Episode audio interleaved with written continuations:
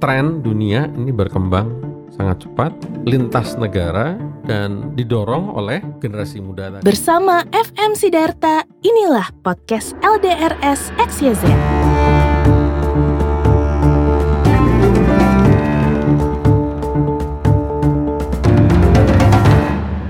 Di episode podcast kali ini, kita akan membahas aspek yang terakhir atau faktor yang terakhir yang mendorong terjadinya perubahan yang dahsyat. Atau yang oleh McKinsey disebut sebagai no ordinary disruptions. Di episode sebelumnya, kita sudah bahas satu faktor yang menjadi pendorong perubahan ini di dunia yaitu populasi yang menua. Tetapi di Indonesia, situasi yang terjadi terbalik. Populasi yang memuda. Jadi kalau tiga hal tadi itu dikatakan sebagai no ordinary disruptions, apalagi jika kemudian ternyata populasinya malah memuda. Nah, di episode ini kita akan membahas mengenai semakin meluasnya atau semakin membesarnya koneksi global. Kita masih ingat beberapa waktu yang lalu bahwa ada usaha dari negara bagian atau provinsi Katalan di Spanyol untuk memisahkan diri.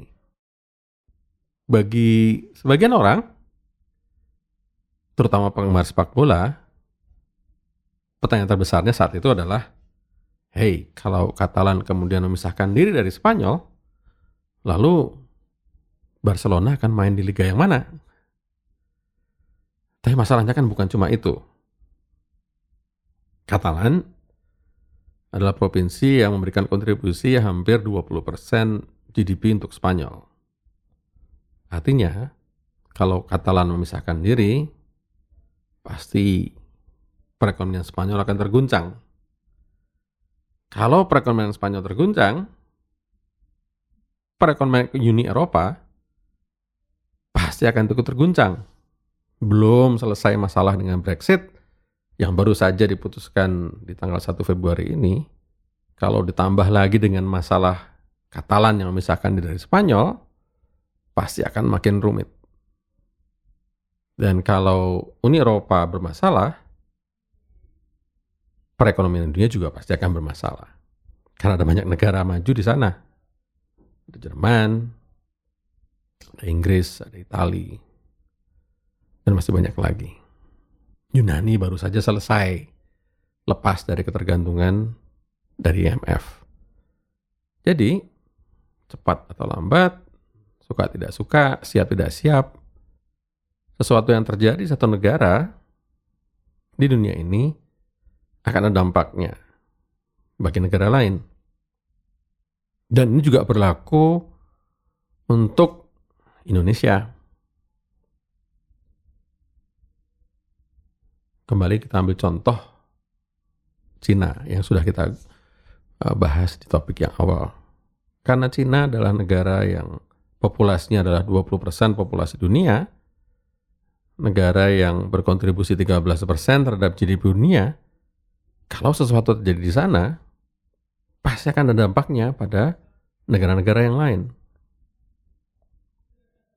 Pertumbuhan ekonomi Indonesia, pertumbuhan ekonomi Cina melambat sedikit saja, mungkin ada satu negara yang akan kolaps. Contoh misalnya batu bara.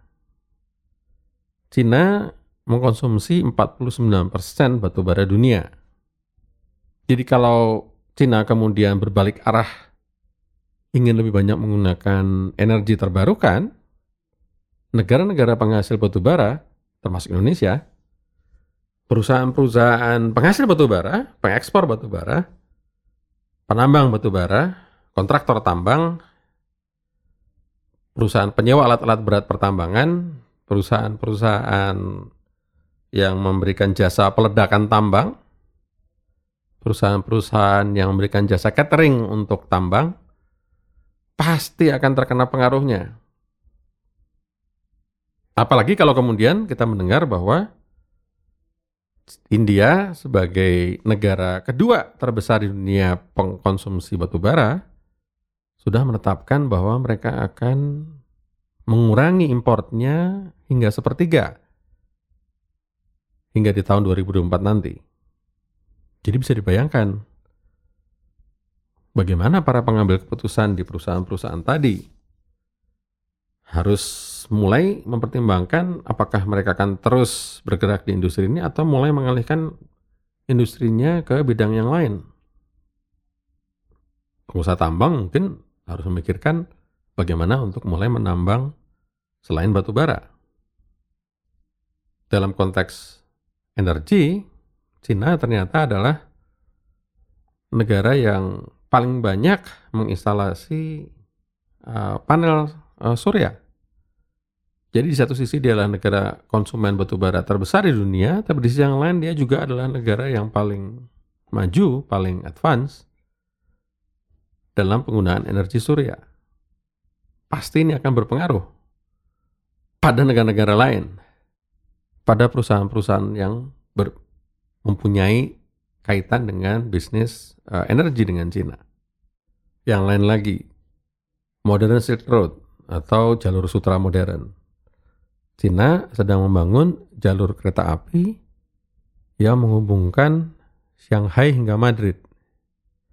Bisa dibayangkan lalu lintas perekonomian antara Cina Eropa akan semakin dilancarkan. Cina akan makin favorable buat produk-produk dari Eropa. Perusahaan-perusahaan di Cina akan menjadi perusahaan-perusahaan yang diinginkan untuk menjadi partner. Pabrik-pabrik di Cina akan lebih mudah mendapatkan pelanggan dari perusahaan-perusahaan di Eropa. Karena dari sisi transportasi, mereka akan dimudahkan dengan dibangunnya jalur ini. Dan jalur ini juga dibangun bekerjasama dengan India. Uh, kita mengenalnya juga sebagai OBOR. One Belt, One Road. Jadi menggantikan jalur transportasi laut. Atau sebenarnya bukan menggantikan, bisa dikatakan dia mengkomplement apa yang sudah dipunyai dengan jalur laut. Hanya saja lebih cepat dan secara risiko juga harusnya mungkin lebih kecil. Jadi pembangunan obor yang mungkin kita anggap hanya akan membantu atau memudahkan jalur distribusi barang dari Cina ke Eropa dan sebaliknya, suka tidak suka pasti akan berpengaruh terhadap perekonomian dunia yang lain. Lalu lintas perdagangan akan jauh lebih dimudahkan. Itu sebabnya negara yang tidak berpartisipasi di obor pasti akan terdampak di perekonomiannya. Hal yang lain. Ini berkaitan dengan climate change atau perubahan iklim dunia. Akibat dari perubahan iklim dunia, es di kutub utara mencair. Berita buruk bagi lingkungan hidup. Tapi itu berita baik bagi perdagangan dunia. Kenapa? Karena jalur selatan ya dari Belanda kemudian lewat terusan Suez masuk ke Afrika Selatan Selat Malaka baru ke Cina itu adalah jalur tradisional. Dan dengan terbukanya jalur utara akibat mencairnya kutub utara, waktunya bisa dipangkas lebih dari setengahnya. Jadi dengan dengan menggunakan jalur utara ini, maka sekali lagi arus perekonomian, arus barang dari Eropa ke Jepang dan ke Cina akan menjadi jauh lebih ekonomis.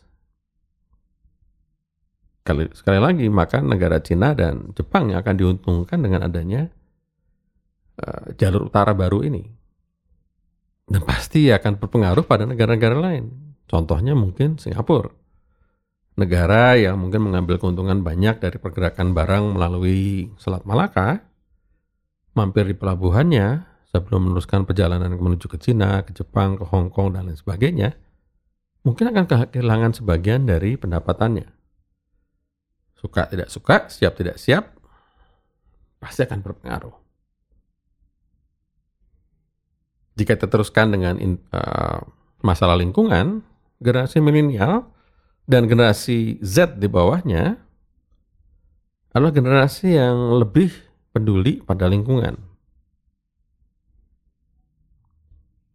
salah satu penggerak mogok massal sekolah untuk perubahan iklim masih berusia 15-16 tahun, Greta Thunberg. Dan sekarang sudah menjadi pelopor atau role model bagi hal-hal yang sama di seluruh dunia, juga di Indonesia loh. Ya. Hanya perlu waktu hitungan mungkin minggu atau bulan. Sekarang penggunaan air, air mineral di rapat-rapat bahkan sampai di kementerian sudah jauh berkurang.